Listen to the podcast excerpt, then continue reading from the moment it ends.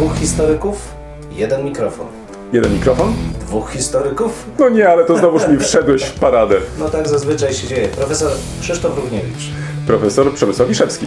Próbujemy nagrywać to, co nas ciekawi, to, co nas kręci, ale zawsze w kontekście historii. No niestety, takie już mamy, że tylko o historii, chociaż czy zawsze na poważnie? No nie zawsze, a przede wszystkim historia to cały świat. To nie tylko to, co minęło, ale też to, co jest teraz. Chcemy pokazać, że w historii można poznawać się w różny sposób. Zdecydowanie w różny sposób i nawet można się nią bawić. Państwo wszyscy widzą, że się uśmiechamy, więc my się też bawimy nieźle. Bardzo dobrze. Dwóch Liczymy historyków, jeden mikrofon. Jeden mikrofon? Dwóch historyków. Ha, coś kolega mówił tutaj o strzelaniu szampanem. No tak, bo zorientowałem się, że starzejemy się, a wraz z nami starzeje się nasz podcast. Proszę Państwa, ja oszaleję. Kolega dzisiaj się szarpnął, Tak, nawet z banku dzwonili, proszę Państwa. poszedł do piekarni i kupił po rogaliku. Tak, no bo stwierdziłem, że nawis inflacyjny trzeba niszczyć. Żeby Na nie naszych- było niejasności. Czekaj, Tak, czekaj, czekaj. O, o. O, To faktycznie jest wielki, Wielki. rogal. Nie wiem, ilu z naszych słuchaczy jeszcze pamięta, co to jest nawis inflacyjny. E, Czy e, ten, e, musimy to wiedzieć? Nie, może nie, ale ci, co żyli w PRL-u, to pamiętają, że otrzymywało się nie wynagrodzenia, tylko nawis inflacyjny. To i trochę, trochę go zniszczyłem dzisiaj, Ojej. kupując właśnie Tak. rogale. Ale w, poczekaj, ty jeszcze miałeś ten, jakiś, jakąś karykaturę. Miałem, tak, proszę O, tak, tak, przypomnę tak. ci. Przypom- dobrze, dobrze, że mi przypomniałeś właśnie, o, rogalem założę książkę, to dopiero Żeby nie było, że kolega tylko oszczędny i kupił jeden. Nie, tak, mam też drugie, a przynajmniej opakowanie. Tak, proszę Państwa, w, taka e, karykatura, która, właściwie żart rysunkowy, który mi się spodobał, ob- opiszę go z grubsza, bo tak jak potrafię, stoi dwóch, dwoje Państwa w laboratoryjnych e, fartuchach, no i są klateczki, gdzie szczury pracowicie gmerają przy malutkich komputerkach, no i podpis nawet przy najniższym wystawieniu na internet 80% z naszych szczurów laboratoryjnych zaczyna pisać blog, a 20 nagrywać podcasty.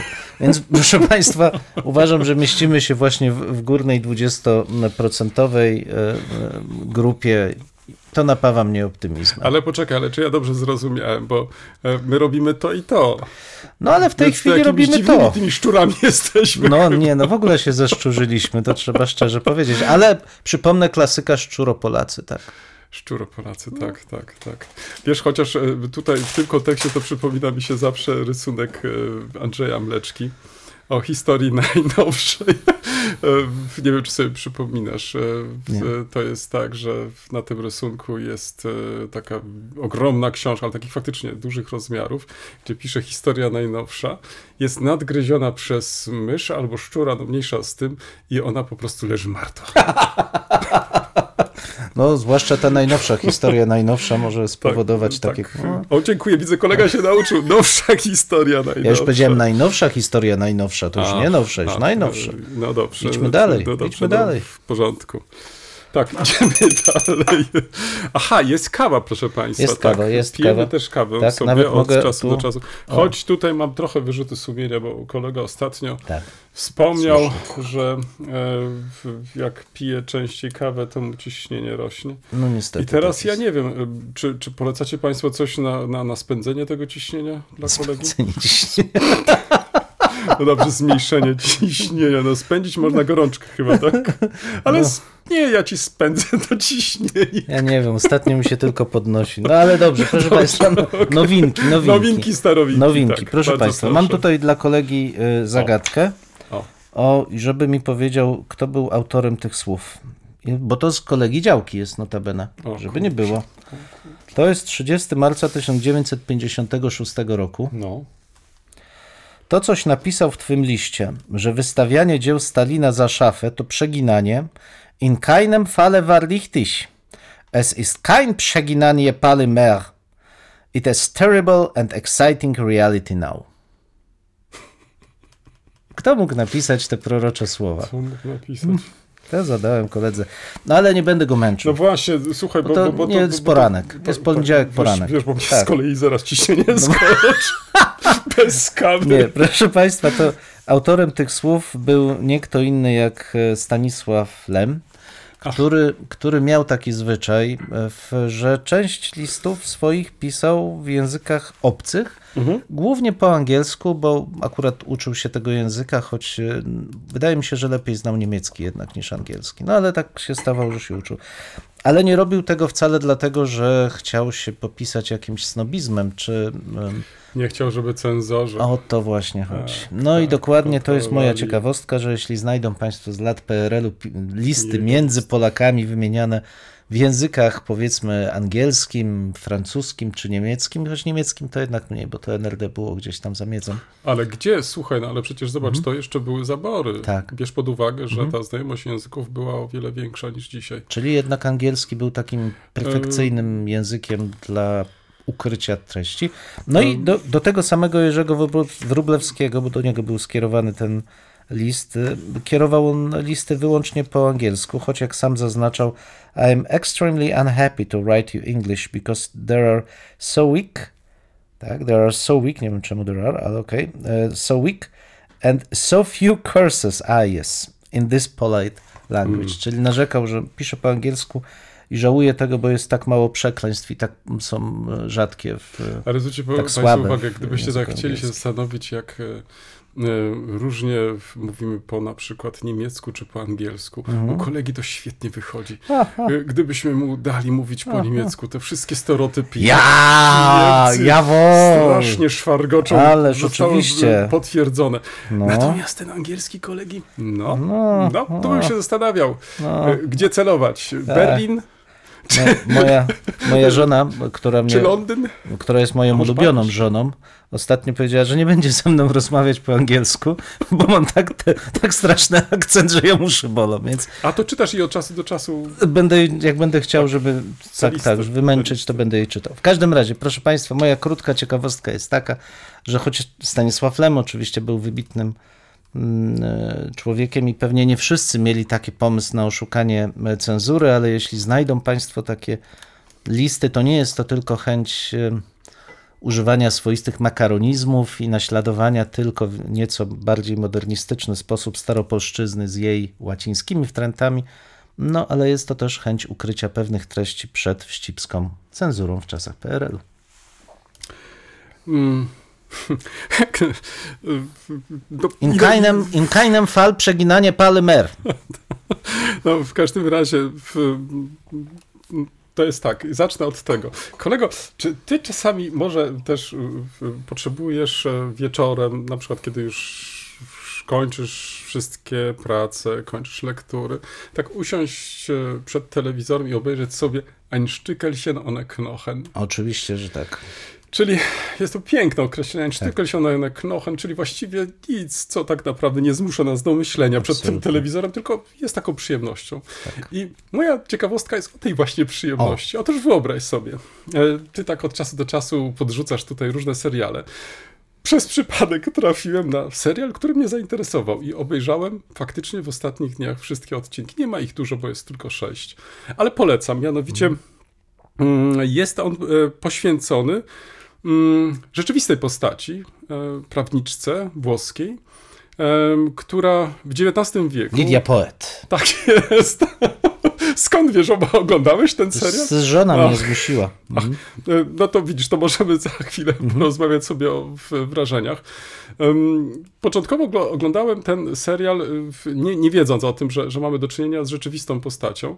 E, Bardzo spodobała mi się ta rola, spodobała mi się też historia i te- kryminalne zagadki, które gdzieś tam były w tle i które tak, tak dzielnie rozwiązywała nasza główna bohaterka, no były robione z taką finezją, z taką gracją. No i do tego te mm, różne mm, przestrzenie Turynu, nazwę to może tak, bo mamy i ulice, w, próba oddania tych ulic XIX-wiecznych, ale mamy też i pomieszczenia, pałace, ale też i więzienie. Ja nie wiem, czy w, nie zapamiętałeś tego em, kapitalnego piętra więzienia, gdzie schodzi się takimi okrągłymi e, schodkami w dół. No coś przepięknego, no jest, musicie Państwo to sobie wyobrazić. Jest e, ogromne pomieszczenie, a w środku ta klatka schodowa i ten ślimak, który schodzi w dół. No coś kapitalnego.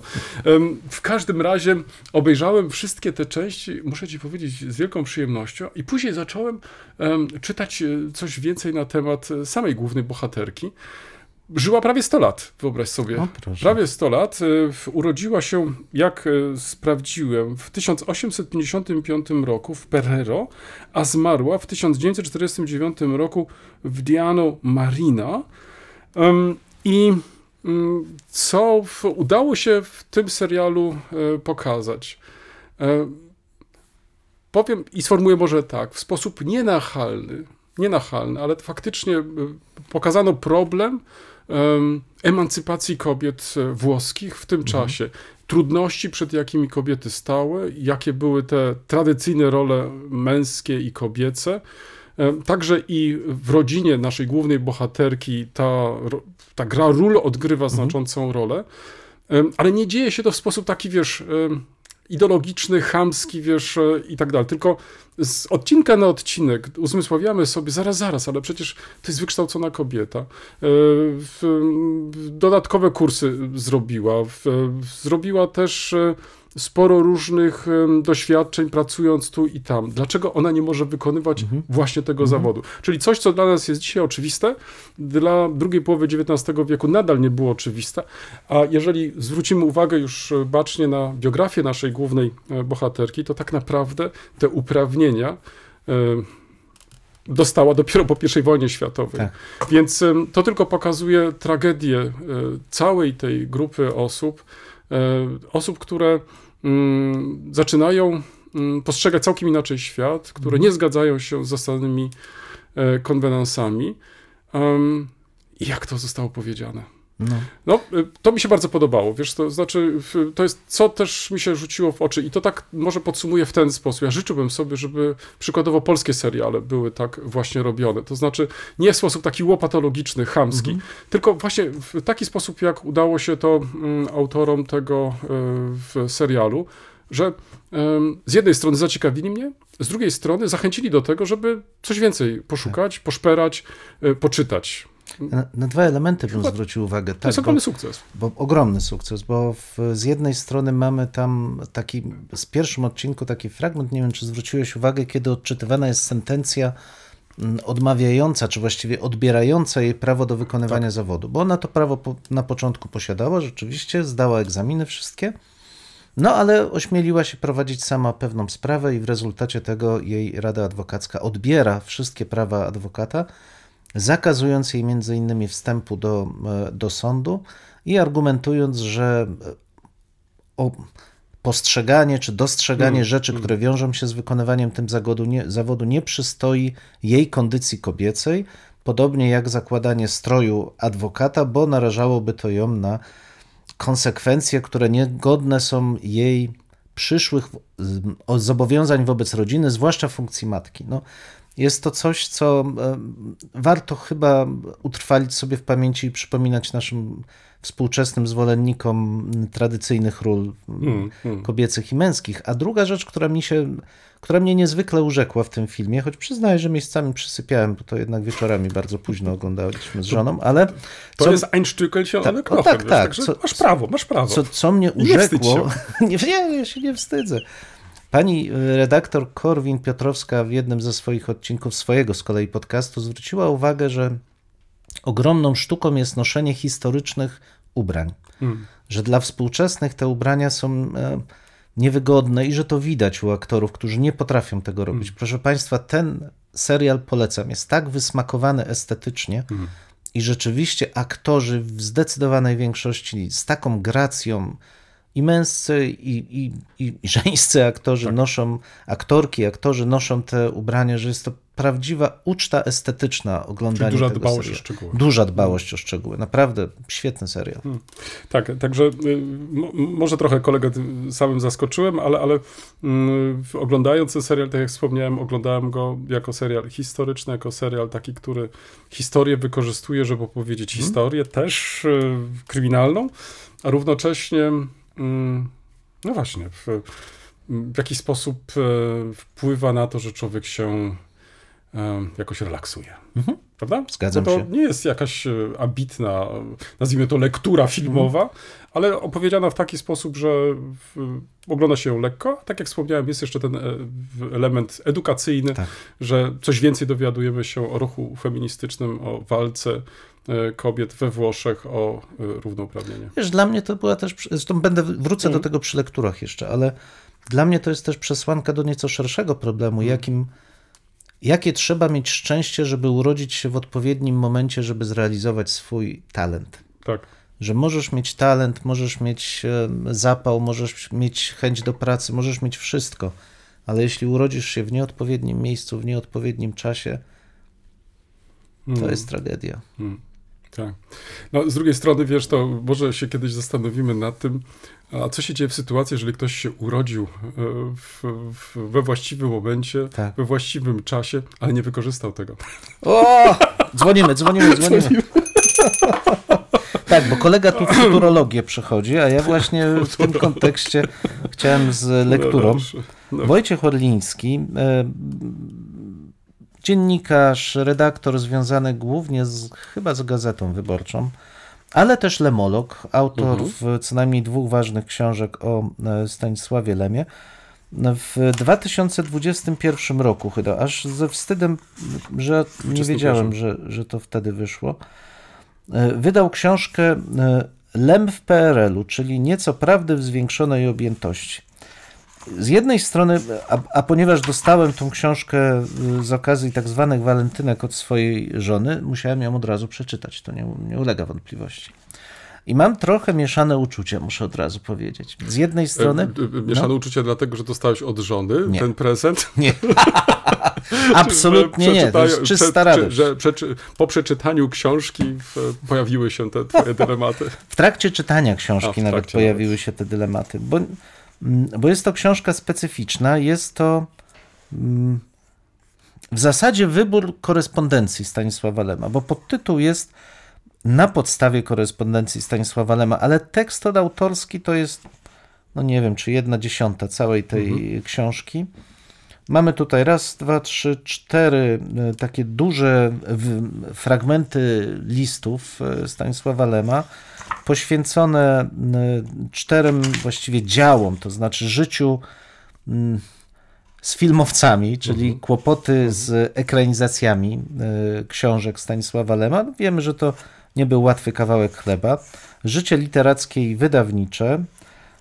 Bardzo interesująca dla mnie, bardzo przynajmniej, francowata motoryzacja, czyli opowieść o zmaganiu się Stanisława Lema z ulubionym jego produktem techniki, czyli samochodami oraz Epsot Meniętny, czyli maszyna na wielkie B, czyli rozmaite sprawy związane z funkcjonowaniem PRL-u. Trochę taka walka z biurokracją mniej lub bardziej codzienną tegoż, e, tegoż systemu. Wstępy, tak jak wspomniałem, są krótkie, ciekawe, ale w- zasadzie niewiele wnoszą same przez się do, do, do tych listów. Po poprzednich książkach Wojciecha Orlińskiego chyba trochę więcej bym się spodziewał. Wybór listów jest e, bardzo ciekawy. Mamy tutaj też interesującą ikonografię, bo zdjęcia z epoki, które ilustrują te, e, te listy. Dla e, mm, osób, które interesują się osobą Stanisława Lema, to na pewno jest lektura e, no, konieczna. Dla tych, które mniej, na pewno znajdą tu też ciekawe rozważania na temat istoty systemu, dyskusje między pisarzami dotyczące funkcjonowania tego systemu. Natomiast dlaczego mam mieszane uczucia? No, dlatego, że jest to wybór i w, autor nie, nie do końca w sposób jasny określa, jakie kryteria decydowały o tym wyborze, a tam, gdzie to robi, to budzi to moje trochę, trochę niepokój, powiem, bo w tej części literackiej em, on pisze wprost, że no, Lem miał język bujny. To prawda, lubił przeklinać e, w listach, posługiwał się takimi bezpośrednimi sformułowaniami, ale tego nam e, autor oszczędza, bo nie, inter, nie chce, żeby w, jakieś brudy, jakieś kłótnie między literatami, ten magiel cały literacki zdominowały tą książkę. No i ja mam mieszane uczucie. Ja, no bo to jest jednak istotna część życia każdego życia literackiego, istotny element dyskusji. On pozwala nam zrozumieć, dlaczego tak, a nie inaczej poszczególne postacie także w książkach się e, kształtowały. No i nie ma co ukrywać, że jest to istotny element życia też i takie to jest jednak kastrowanie tego prawdziwego życia literackiego. Ale uważaj. e, Bo, I przepraszam, tylko tak, i to trochę nawiązujemy tym do naszych poprzednich rozważań, co można, a Tak. co nie powinno się w, cenzurować, tej autocenzurze poddawać. Tak, Mhm. ale wiesz, ale tutaj No, m, pozwól, że, że raz, że ci przerwałem, ale dwa, kiedy tak właśnie relacjonowałeś, tak zacząłem się zastanawiać jeszcze nad innymi przypadkami, bo teraz na przykład jestem konfrontowany z, takimi sytuacjami, gdzie mamy przypadku jednego konkretnego bohatera z bardzo jego bujnym życiem seksualnym. Mhm. I mm, to jest oczywiście dla nas pytanie, y, na ile uwzględniać te Mhm. mm, opisy, które znajdziesz na Mhm. kartach w jego wspomnień, em, tego bohatera. I, I tutaj myślę tak, że, że nie jest to główny naturalnie Mhm. w nurt jego rozważań, w, w, czego innego dotyczą te wspomnienia, to się pojawia gdzieś tam em, mimochodem, na, może nie, nie do końca na marginesie, bo to jest jednak ważna rzecz dla niego. I dlatego ja się tak zastanawiam, czy y, nie, nazwijmy to w cudzysłowie, załatwia tutaj ta informacja, że em, autor prowadził bujne życie w, Wiesz co, a ja mam seksualne i tak dalej i, i na Mhm. tym, wiesz, ten bym poprzestał, to znaczy nie przytaczałbym tych wszystkich e, kawałków, e, nazwijmy to, ponieważ no, to nie jest kwestia też tego, czy, czy, czy wprowadzam tutaj cenzurę, Mhm. czy też nie. No, tym bardziej, że sam autor, e, Mhm. w, pisząc takie wspomnienia, być może liczył się z tym, że może nie w, jeszcze za jego życia, ale być może po jego śmierci te Mhm. wspomnienia, na przykład, e, któregoś dnia ujrzą światło dzienne. Mhm. No i my z kolei po wielu dziesiątkach lat, często tak się zdarza, w, jesteśmy konfrontowani z takim materiałem i trochę to zależy od naszej wrażliwości i naszego doświadczenia, Mhm. to znaczy na ile uznamy, że jesteśmy zobowiązani wręcz e, w takie czy inne fragmenty przytoczyć. Pytanie tylko, e, które ja sobie zawsze przy tej okazji zadaję, mm, jaki to ma wpływ na taką postać? To znaczy, czy faktycznie e, tu w tym konkretnym przypadku w, to od razu przychodzi mi takie po niemiecku ładnie okresie Schürzenjäger. Czasami się Ojej. określało, wiesz, e, takie, wiesz, pogoń za spódniczkami, czyli, Mhm. czyli takie osoby, która za tymi spódniczkami goniła, czyli tego Schürzenjägera, Mhm. myśliwego, to Mhm. dosłownie, e, czy faktycznie e, powinienem takie fragmenty przytaczać, je publikować. Poza tym, wiesz, to jest e, jedna strona medalu. Druga strona medalu to w, nie wiem na przykład, co na to członkowie rodziny, którzy na przykład mogą Mhm. żyć i pytanie, czy życzą sobie, żeby te fragmenty właśnie się znalazły Mhm. w, em, w tych publicznych, albo inaczej, w tych wspomnieniach opublikowanych i dostępnych publicznie. Mhm. Myślę, że tu też trzeba brać to w, pod uwagę. No i, i starać się w jakiś sposób wybalansować. Dlatego e, to ciekawe, co powiedziałeś, że z jednej strony mamy do czynienia tutaj z takim wyborem listów e, autorskich wpisany w komentarz Mhm, autorski. Ale to być może, i to jest pytanie teraz do ciebie, być może zabrakło tutaj faktycznie tej pracy autora, tego, który opracowywał, tego redaktora tych listów, ażeby właśnie y, zadać sobie pytanie, y, dlaczego drukuje takie, a nie inne fragmenty, dlaczego one są ważne, em, ażeby zrozumieć y, naszego bohatera, albo inaczej, czy pozwolą one nam jeszcze spojrzeć na tego bohatera z innych stron, których dotąd nie znaliśmy. No wiesz, to dużo ciekawych tematów tutaj podjąłeś, bo z jednej strony oczywiście zgadzam się, że epat- epatowanie takimi sensacyjnymi fragmentami no, może niczemu nie służyć, ale pomijanie z kolei tych elementów tworzy legendę, to znaczy budujemy wtedy, wpisujemy się w pewien kanon tych gombrowiczowskich gąb, które się człowiekowi przyprawia, czyli Poważny polityk e, no, no, nie może ganiać za spódniczkami. Jak gania za spódniczkami, to to, co zrobił, już jest niepoważne. A przecież to ten sam człowiek. Tak. To człowiek, który to robił dobrą politykę, poważną politykę, wizjonerską politykę, ale jednocześnie miał zupełnie ludzkie słabości. I tak samo z Lemem tworzył wielką literaturę, ale miejscami był naprawdę malu, małym człowiekiem. Tu wszystko ze sobą, je, je, jeśli zaczynamy to ukrywać jedną rzecz, eksponować drugą, to budujemy gębę.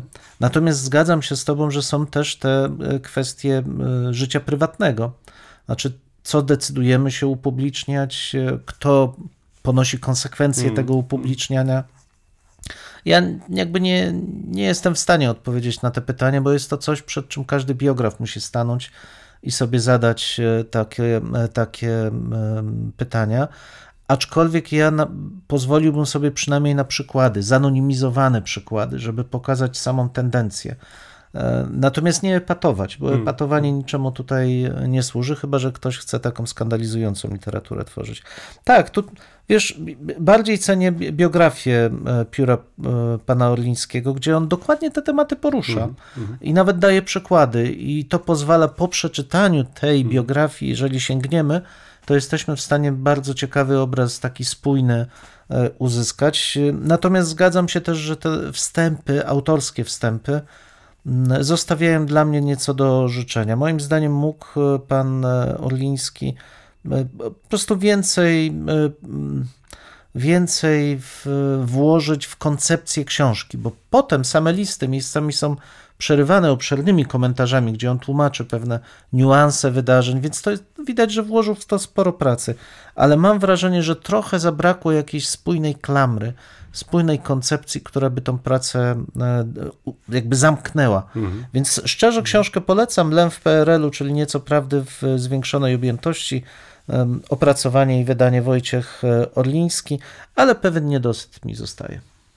Tak, e, widzę już teraz twarz Agnieszki, chyba w, czuję w, e, ulgę, że jednak nie był to prezent nietrafiony. O nie, ja już zrecenzowałem żonie zakup. To nie, nie, nie, nie, nie. Żona jest pierwszym odbiorcą moich recenzji. Dobrze, to serdecznie ją pozdrawiamy w takim razie.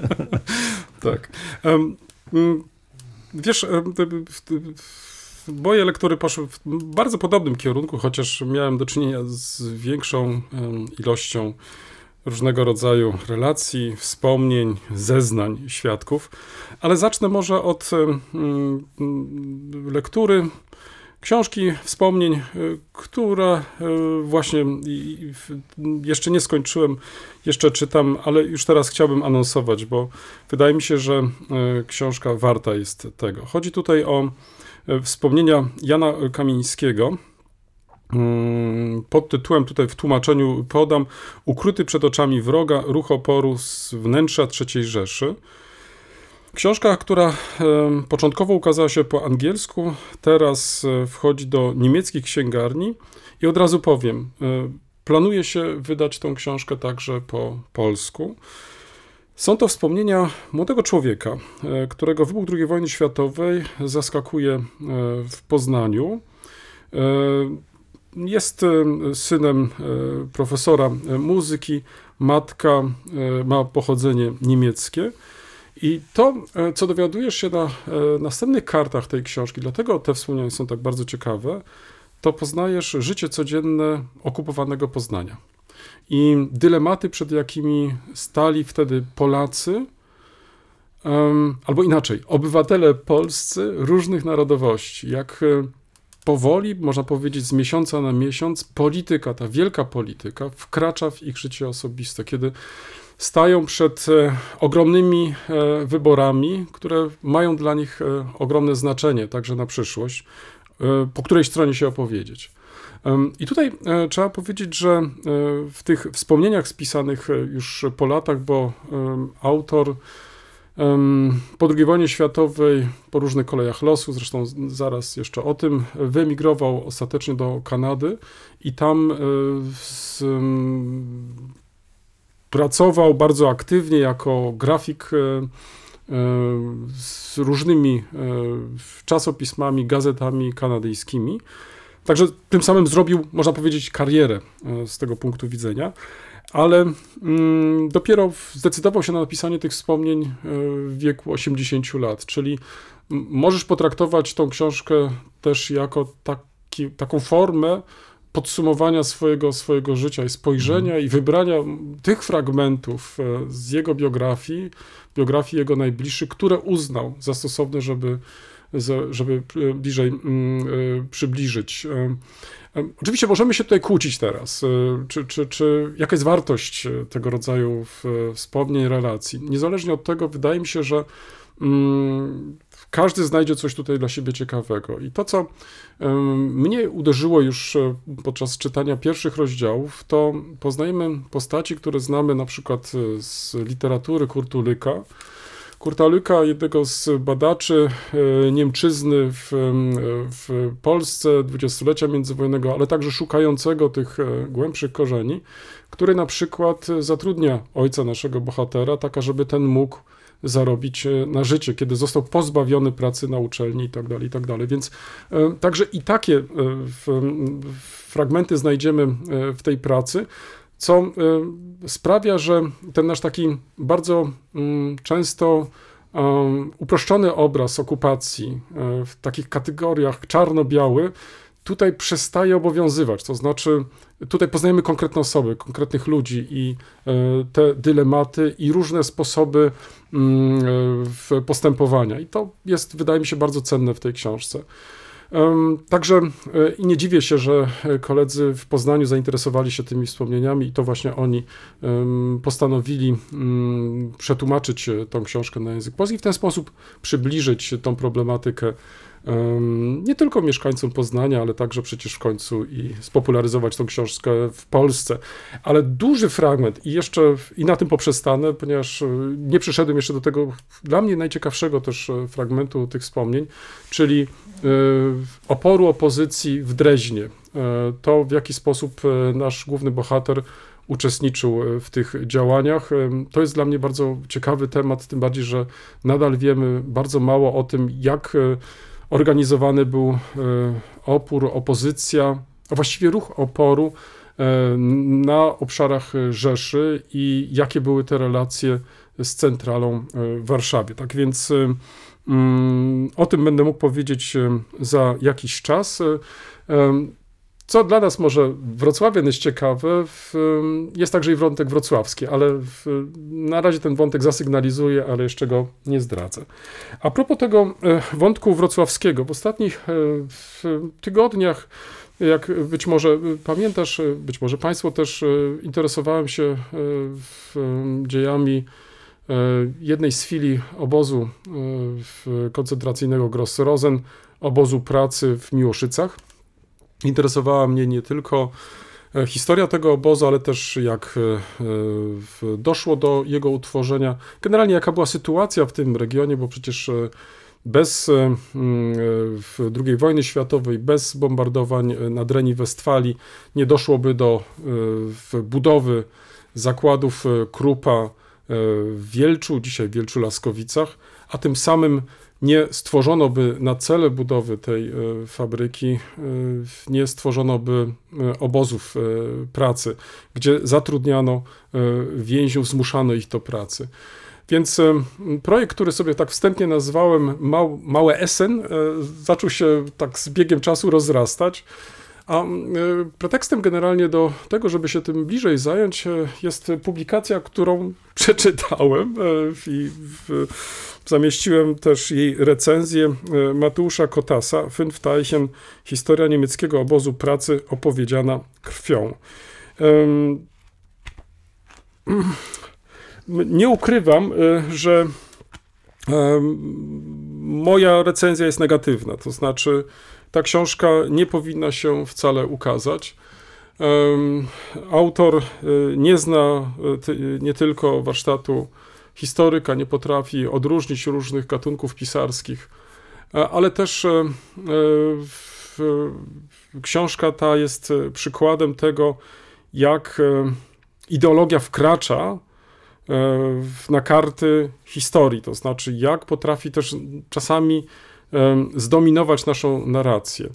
I muszę przyznać, że mm, strasznie jestem zawiedziony, zawiedziony lekturą te, tej książki, ponieważ co trzeba przyznać, że tych publikacji poświęconych tej problematyce, e, problematyce Jelcza Laskowic, e, okresu II wojny światowej, e, obozom pracy, czy w, w Laskowicach, czy też w Miłoszycach, tych opracowań nie ma dużo. I em, to dobrze się dzieje, że, że w końcu w ostatnich latach zauważyliśmy zwiększone zainteresowanie.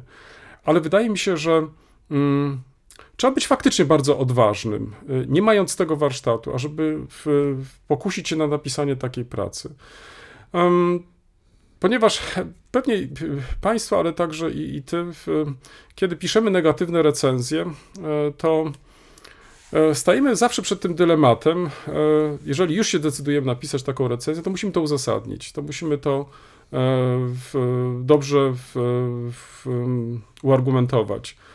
No i to wymaga od nas naprawdę dużo pracy. I przy tej okazji chciałbym zwrócić na to uwagę, że e, ja nie żałuję tego czasu, który poświęciłem na to, ponieważ e, mm, praca ta pozwoliła z jednej strony mi przejrzeć e, te publikacje, które znałem z przeszłości, mogłem sobie uzupełnić lektury, ale z drugiej strony pokazała mi, że to też nie jest tędy droga, że pisanie o problematyce regionalnej wymaga jednak, wymaga jednak sięgnięcia po archiwalia, sięgnięcia po istniejącą literaturę, zaznajomienie się z tą literaturą naukową. I przede wszystkim, jeżeli już chcemy, a tak było w przypadku tutaj autora, przynajmniej takie mam wrażenie, że chciał przedłożyć popularną naukową publikację, to nie zwalnia go ze znajomości stanu badań. I ten stan badań powinien tutaj w jakiś sposób e, wykorzystać przy pisaniu tak e, popularnego opracowania. To, że e, tych opracowań jest więcej, e, że takie powsta powstawały opracowania, no to tutaj myślę, że nie muszę Państwa przekonywać. Pozwoliłem sobie przynieść e, dwie publikacje, których autor kompletnie nie zna, których nie wykorzystał, a które myślę odgrywają znaczącą rolę. Już nie pamiętam, czy przy jakiejś okazji nie wspominałem o tym wielotomowym opracowaniu redakcją e, Wolfganga Benca i Barbara, Barbary Diesel historii obozów koncentracyjnych e, w III Rzeszy pod tytułem Ort des e, Terrors Geschichte der nationalsozialistischen Konzentrationslager Miejsce terroru, historia narodowo-socjalistycznych obozów koncentracyjnych. Tu przed sobą mam tom szósty, jest to, jak wspomniałem, wielotomowe opracowanie. W tomie szóstym przedstawiono obozy Natzweiler, Grossrosen e, i Stutthof, łącznie z wszystkimi filiami. Tak więc książka, która ukazała się, jeśli się nie mylę, tak, w 2007 roku w Monachium, zbierała em, wiedzę na temat e, tych obozów, ale także i ich chwili. Ale co jest ważne, redaktorzy zadbali o to, ażeby o tych obozach, o tych filiach pisali specjaliści, którzy na miejscu także zajmują się tą problematyką. Tak więc przykładowo o e, tym konkretnym obozie e, w Miłoszycach e, pis, pisała w, w Barbara Sawicka, szefowa działu w naukowo-edukacyjnego Muzeum Grossrosen.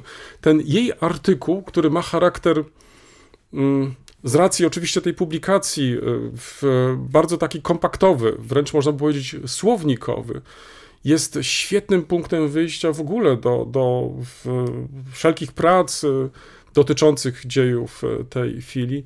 Autorka zamieszcza podstawową bibliografię, której na próżno będzie szukać y, w publikacji pana Kotasa.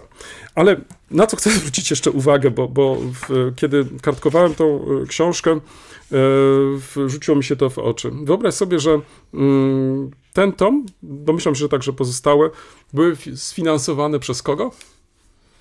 No, Przez wiem. e, Alfred Krupp von Bohlen und Halbach Stiftung. A proszę, czyli, Czyli- takie zadośćuczynienie. E, trochę. Ja bym to też w takich kategoriach traktował. To znaczy, że udało się redaktorom, e, ale także i wydawnictwu pozyskać bardzo ważnych partnerów. To znaczy takich, którzy byli chociażby znani w przeszłości z tego, że e, w, w, zmuszali poprzez e, e, pracę e, tysiące, miliony ludzi do niewolniczej pracy, pracy przymusowej. No i myślę, że w tym kontekście warto też na, na to zwrócić uwagę. To znaczy, że sporo się tak naprawdę także i w tym zakresie dzieje, jeżeli chodzi o obchodzenie się z tą, nazwijmy to, niełatwą przeszłością, także w przypadku tych konkretnych zakładów czy też przedsiębiorstw. W związku z tym na to chciałem e, zwrócić uwagę, e, ale oprócz tego na publikacje, które ukazują się od lat. E, Myślę tutaj o publikacjach Muzeum e, w, w obozu koncentracyjnego e, Gross-Rosen. Em, Jedna z ostatnich publikacji to są wspomnienia e, Otto Schwerta Zapomniani przez Boga i świat. I tutaj są to wspomnienia e, polskiego Żyda. Bardzo ciekawe, bardzo interesujące. E, Praktycznie e, jedna trzecia e, tych wspomnień jest poświęcona pobytowi w obozie w Miłoszycach. No, też na próżno szukasz tej książki w wspomnianej publikacji pana Kotasa. Wiesz, i jeżeli byś sięgnął na stronę w muzeum i zwrócił uwagę na wydawnictwa, to tych wydawnictw znajdziesz więcej. Wiesz, i to jest kolejna jakaś taka rzecz, wiesz, która, tak jak wspomniałem, że no, chcąc pisać na temat e, tej historii lokali, no raz, że trzeba znać e, literaturę, znać e, stan badań. I dopiero wtedy się zastanowić, co ja tak naprawdę mogę poprzez swoją publikację wnieść do tej całej dyskusji, do tej całej debaty. Zastanawiam się cały czas nad tym, czy za dużo nie poświęcam uwagi na to, ale z drugiej strony, mm, kiedy autor w tej swojej publikacji e, zaznacza, że jest to książka popularno-naukowa, czy też wręcz są miejsca, gdzie pisze, że e, przyjął styl beletrystyczny, to już zostawmy to, nie będę, nie będę tego komentować, ale w jego wypowiedziach e, dla mediów słyszy, że jest to książka, którą on chce skierować do szkół. I teraz, wiesz, ja się zastanawiam e, nad tym, jak to dzisiaj jest i chętnie bym się dowiedział, wiesz, może będzie trzeba spytać o to pana kuratora. Jak to jest z tymi właśnie książkami? To znaczy, to, to można tak sobie skierować do szkoły? To znaczy, to, to nie trzeba mieć jakiegoś pozwolenia wcześniej, jakiegoś atestu? w- Nie, ale Wiesz, pamiętaj, nie że to jakby dwie różne rzeczy są, bo pan.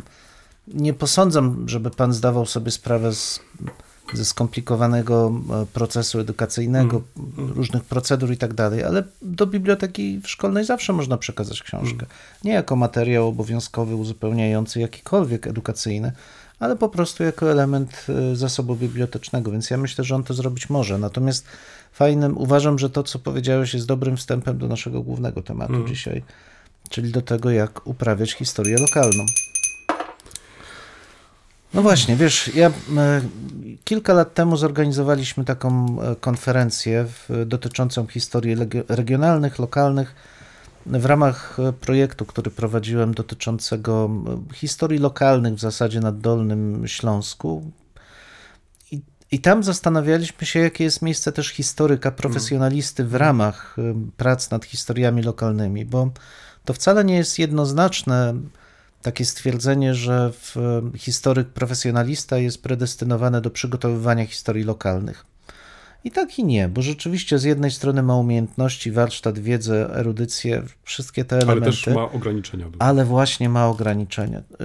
Zwłaszcza w zakresie historii tej najnowszej, to jednak ludzie mieszkający na miejscu, będący na bieżąco z tymi wydarzeniami kulturowymi, ale nawet w odniesieniu do wcześniejszych epok, zainteresowani tymi wcześniejszymi epokami, są kopalnią wiedzy o szczegółach, o detalach, których historyk profesjonalista często nie będzie w stanie nawet poznać, bo będzie bardziej skoncentrowany na pewnych zasadniczych, modelowych e, rozwiązaniach. I wtedy e, wydawało mi się, i do dzisiaj tak uważam, że idealnym rozwiązaniem jest jednak ścisła współpraca tych dwóch e, środowisk, bo,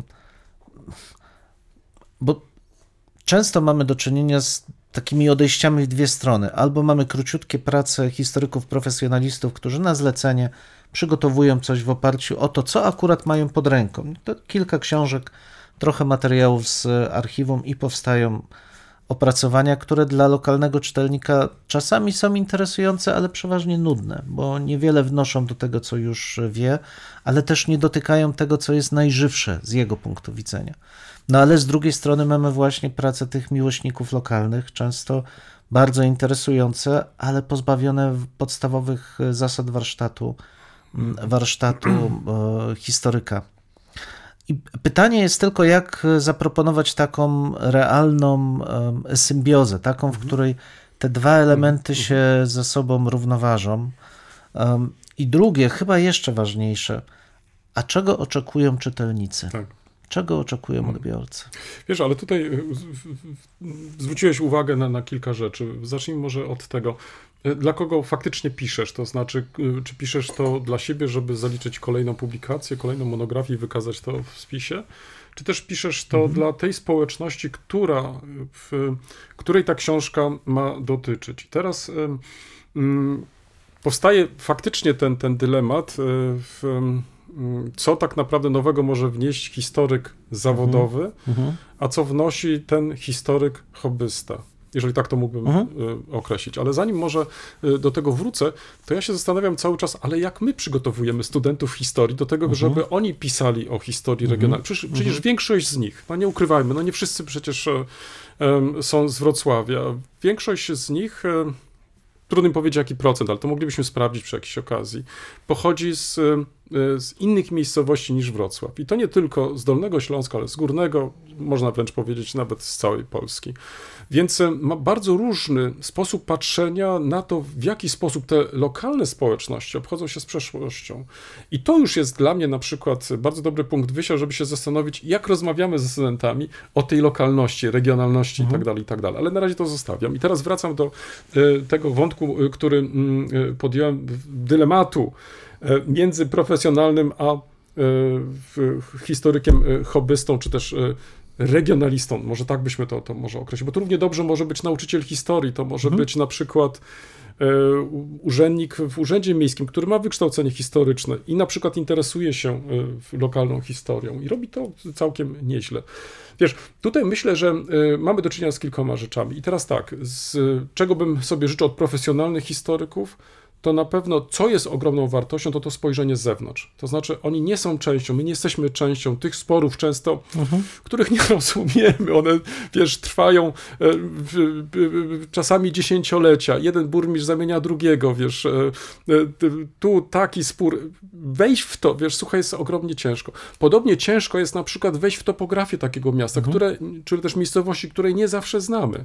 E, Nie znamy na przykład takich pagórków, które na przykład, e, lub też nazw e, e, stawów, które w takim ogólnym odczuciu w, są dla wszystkich znane, ale dla nas nie, bo przecież my jesteśmy tymi obcymi.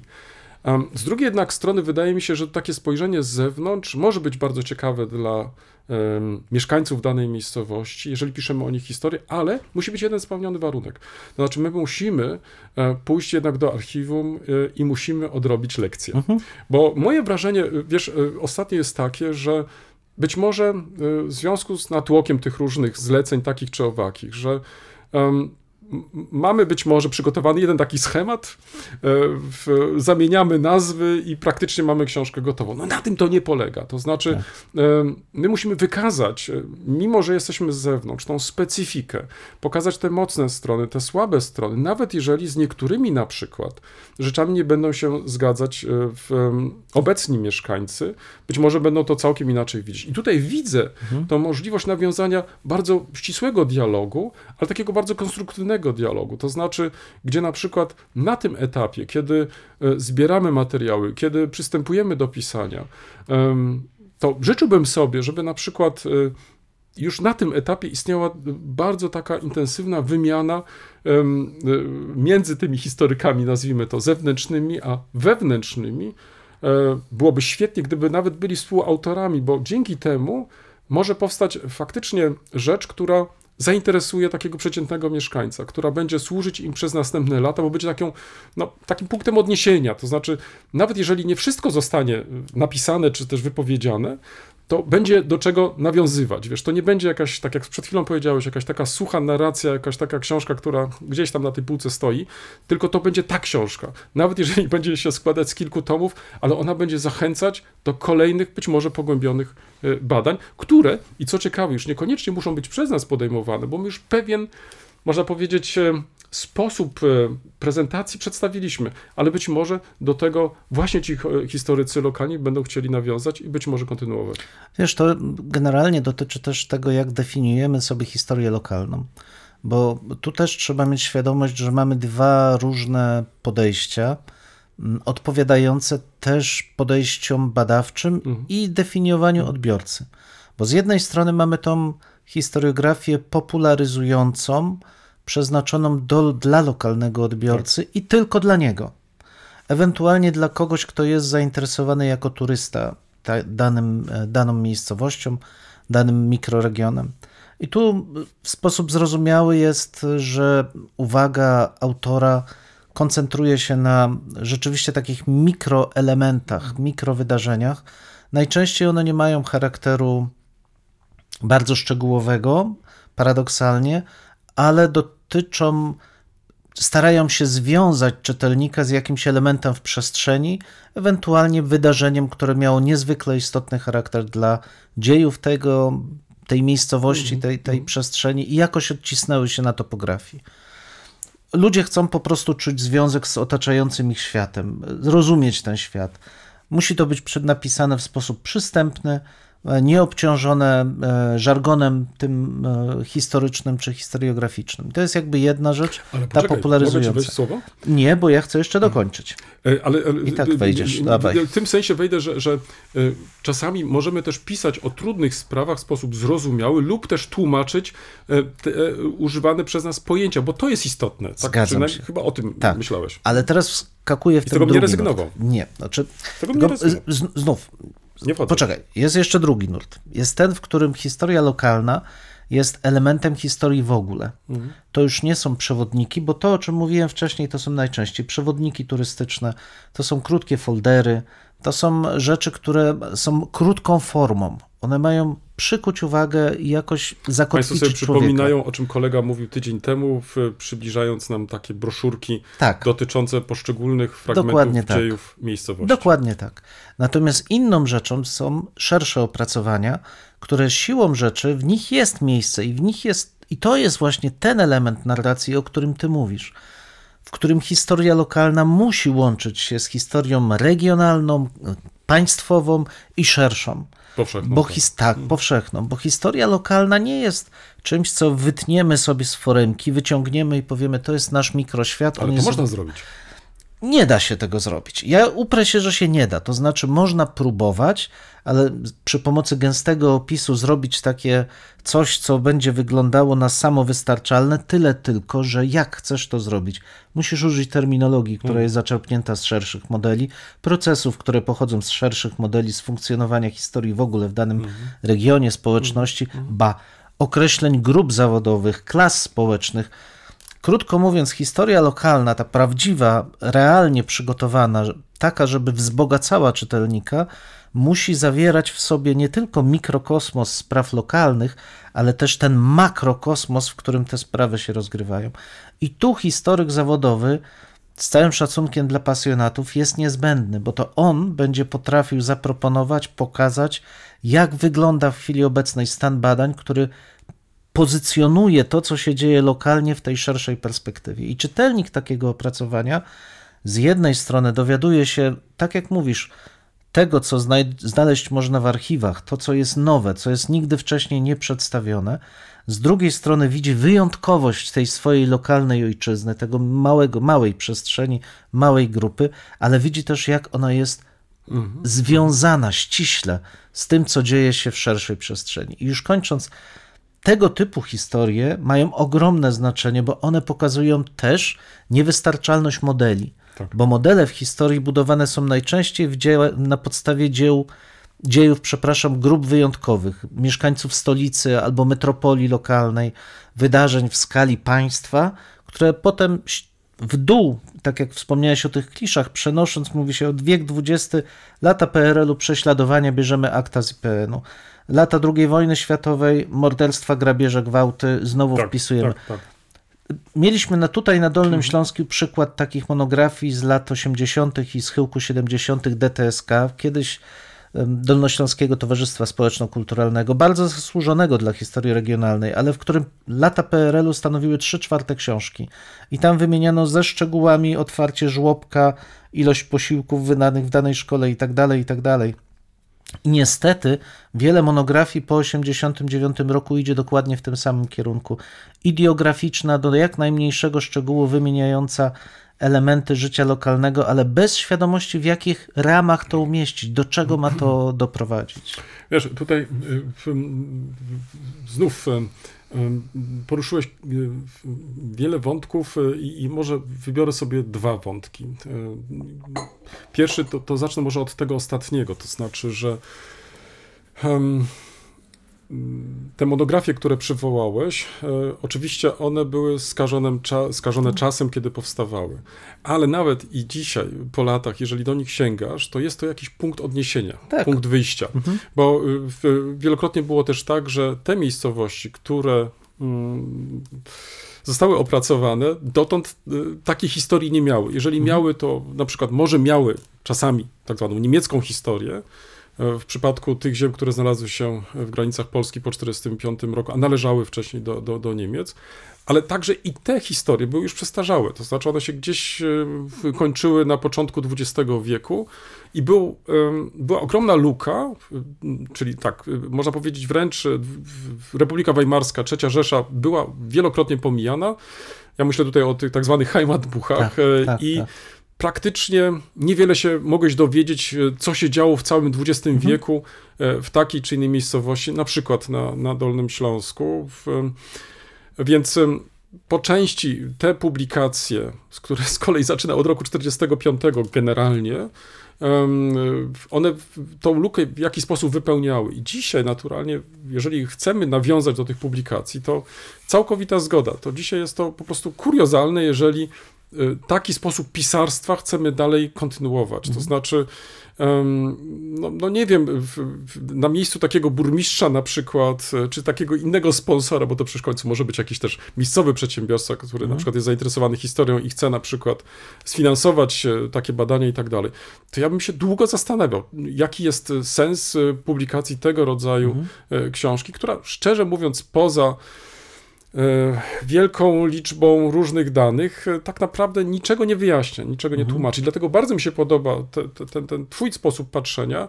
że my widzimy tą historię lokalną w szerszym kontekście, zarówno m, całego regionu, ale też relacji, jakie miał, miało, miała powiedzmy sobie ta, ta, ta lokalność z tym regionem, ale też w tym takim szerszym kontekście powszechnym. E, Ja myślę, że e, to do tego faktycznie by należało dążyć. Ale jest jeszcze inna kwestia, która jest nie mniej dla mnie ważna, bo pytałeś e, wcześniej, dla kogo piszemy tego rodzaju monografie i jak one mogą być przyjęte lepiej przez te społeczności lokalnej. To jest pytanie na przykład, jak chcemy uwzględnić historię poszczególnych osób, e, czyli tak zwaną biografistykę. I tutaj myślę, że e, mamy spore pole do popisu i, i to nie powinniśmy, przynajmniej tak mi się wydaje, poprzestawać tylko na wymienieniu na przykład burmistrzów, ale może w trakcie tej kwerendy archiwalnej mogłoby się okazać, że taki burmistrz e, miał bardzo bogatą e, historię i warto byłoby na tych, na tej kar, na tych kartach e, historii przybliżyć ją. I to nieważne teraz, czy to był burmistrz sprzed 45 roku, czy po 45 roku, mogłoby się okazać, że właśnie ten burmistrz przyczynił się do ogromnego rozwoju miasta, że pojawiły się różnego rodzaju instytucje miejskie i to jemu właśnie się to po prostu zawdzięcza. Czyli krótko mówiąc, można by powiedzieć, poprzez biografię przybliżamy także tą lokalność. To znaczy, to, te, te decyzje, te wybory, które podejmowano w tym właśnie środowisku, stają się nam bardziej namacalne. I wtedy my możemy do tego się po prostu w jakiś sposób odwołać. Więc ym, wydaje mi się, że rzeczą dzisiaj fajną byłoby z jednej strony pisać o tych ogromnych procesach, które działy się y, lokalnie, ale nadać też twarz y, tym właśnie procesom. Tak, no ja pamiętam jak e, kiedyś z kolegą e, Wojciechem Mrozowiczem przygotowywaliśmy bodaj historię Oleśnicy i tam właśnie y, sam zamawiający, mm, czyli burmistrz zwrócił uwagę, że chcieliby mieć także takie krótkie wzmianki o najważniejszych postaciach związanych z Oleśnicą. I rzeczywiście w monografii taki krótki słowniczek żeśmy przygotowali. Bardzo ludzkie dążenie do tego, żeby spotkać się z innymi ludźmi po prostu.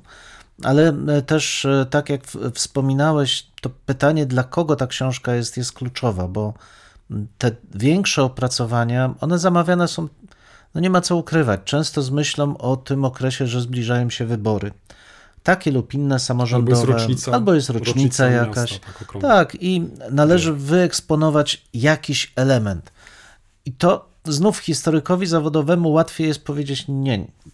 Z mojej perspektywy jednak ważniejsze jest to, to czy to y, te elementy zamówienia gdzieś tam będą, ale one nie mogą zdominować całej narracji. Także dlatego, że nam łatwiej jest zobaczyć, jaką wagę mają te elementy, których do, od nas zamawiający się em, domaga.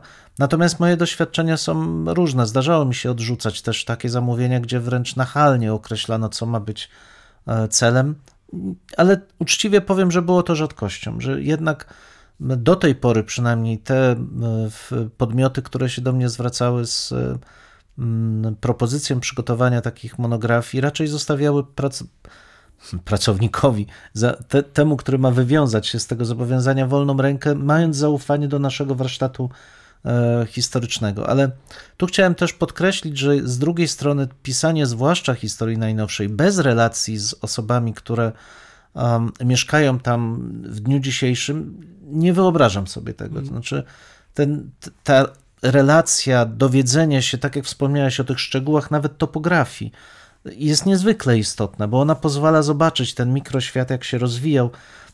Prosty przykład, jak zmieniała się topografia przed 45 i po 45 roku.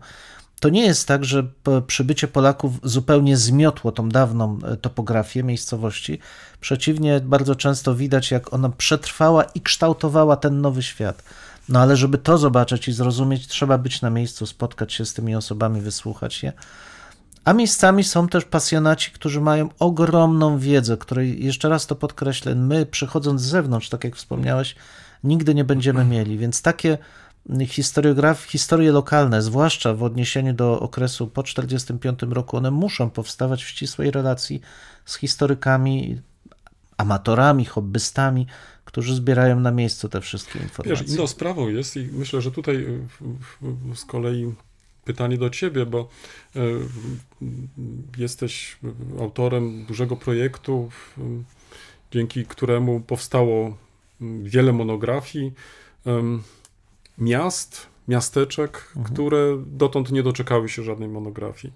I teraz, czy z tej perspektywy, jak patrzysz, ten trud, który podjąłeś, opłacał się? To znaczy, czy mm, wydanie takiej monografii, a tutaj dodam, że przecież te monografie w ramach Twojego projektu były y, dostępne zarówno w tej wersji tradycyjnej, papierowej, ale także elektronicznej. Czy na przykład one w jakiś sposób wywołały mm, to większe zainteresowanie tą lokalnością? To znaczy, czy, czy były takim zaczynem do tego, żeby no, podjąć już na miejscu kolejne prace, kolejne badania? Bo to wtedy by pokazywało, że mm, nasza ta praca, nawet jeżeli ona jest zlecona, i to całkowita zgoda, każdy z nas jest tutaj niezależny w tych swoich e, sądach i ja raczej bym tutaj bronił te, tego, e, co wcale nie oznacza, że, że nie powinniśmy uczestniczyć w dyskusjach, debatach i tak dalej, ale ten wybór ostateczny jednak e, należy do nas. Podobnie jak na przykład poprzestanie w którymś momencie i pokazanie do tego momentu możemy to zrobić, możemy to pokazać, ale zobaczcie, taką drogą my wykonaliśmy, może będziecie chcieli podążać także tą drogą dalej e, i odkrywając kolejne jakieś e, e, rozdziały w waszej miejscowości, które na przykład dla nas już były zamknięte, nie mogliśmy tego zrobić. Wiesz co, są różne, różne skutki takich, takich działań, bo ten projekt obejmował łącznie e, pięć gmin, jedno miasto i jedną wieś większą, więc duży rozrzut. I różny jest też, różna była postawa lokalnych, e, lokalnych władz i środowisk. E, Dwie, dwie gminy, które opracowywaliśmy, pomimo wielokrotnych prób, prób kontaktu, w ogóle nie odpowiedziały, a polegało to tylko na tym, że proponowałem, że przekażę im darmowe egzemplarze do dystrybucji wśród szkół.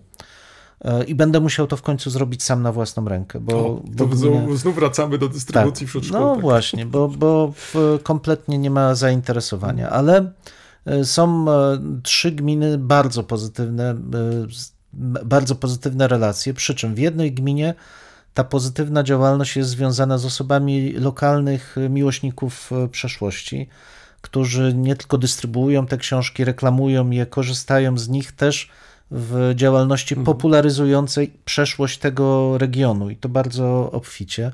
W jednej gminie zaangażowało się bardzo władze lokalne i podtrzymujemy stałe kontakty. Zresztą niedługo też będziemy z książkami się tam jecha, jechać na takie działania e, popularyzatorskie. W trzeciej gminie z kolei same władze były tak zainteresowane naszymi działaniami, że zleciły przygotowanie dodatkowego tomu za swoje własne pieniądze, bo nie udało nam się już zrealizować historii najnowszej, tej po 89 roku. W związku z tym zamówiły same u autorów y, związanych z projektem przygotowanie tomu przedstawiającego dzieje po 89 roku, łącznie ze zbiorem relacji lokalnych mieszkańców Kapitalnie. przedstawiających y, te dzieje. No i podsumowując jeszcze, te książki wychodziły w formie tej standardowej w niewielkim nakładzie, bo tylko 100 egzemplarzy, z założeniem, że będą dystrybuowane w lokalnej społeczności. I tak jak mówię, część tak, część nie. Natomiast jeśli chodzi o dystrybucję elektroniczną, to ogromny, e, znaczy przekroczyło to moje e, oczekiwania nawet, bo te książki, w których ta społeczność lokalna była rzeczywiście zainteresowana, rozeszły się w tej formie elektronicznej w nakładzie kilku tysięcy pobrań. I kilku tysięcy, obok tego kilku tysięcy otwarć też tej stabilnej wersji elektronicznej. Więc łącznie tam jest kilkadziesiąt tysięcy otwarć i pobrań z całej serii tych e, publikacji.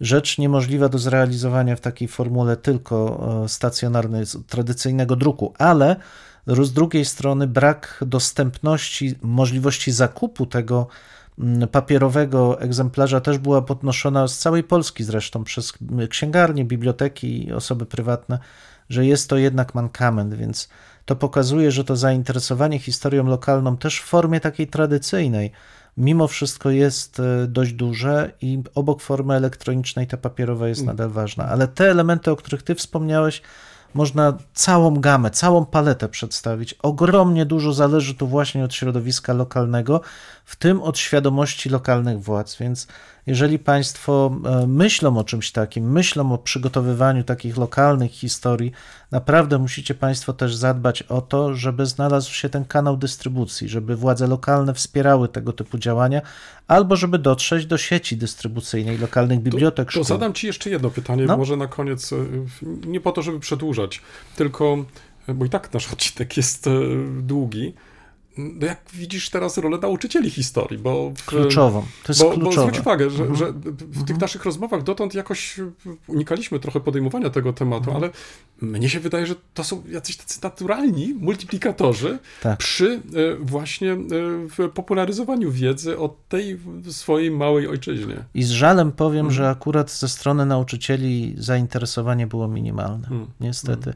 Więc tak, uważam, że to jest kluczowe środowisko i powinniśmy także w naszych działaniach edukacyjnych zadbać o to środowisko, wesprzeć je jakoś, zachęcić, zmotywować, bo jeśli z ich strony nie ma takiego zainteresowania, to niestety i siła przekazu tego typu działań no, jest dużo słabsza. W tym miejscu stawiamy kropkę lub też jak kto woli kropkę nad i. No, mamy nadzieję, że to nie jest koniec, że to jest początek Waszych dyskusji. Mam nadzieję, że Was zaciekawiliśmy. Prosimy o komentowanie naszych zmagań z historią. Poniżej zdjęcia jest wystarczająco dużo miejsca. I pamiętajcie, nie regulujcie odbiorników. No, my naprawdę tak brzmimy. E, tak, chociaż być może czasami e, może trzeba ściszyć. No może czasami ten nasz rechot by się przydało wyciąć nawet. Dwóch historyków, Jeden mikrofon, jeden mikrofon. dwóch historyków. Dziękujemy. Dziękuję.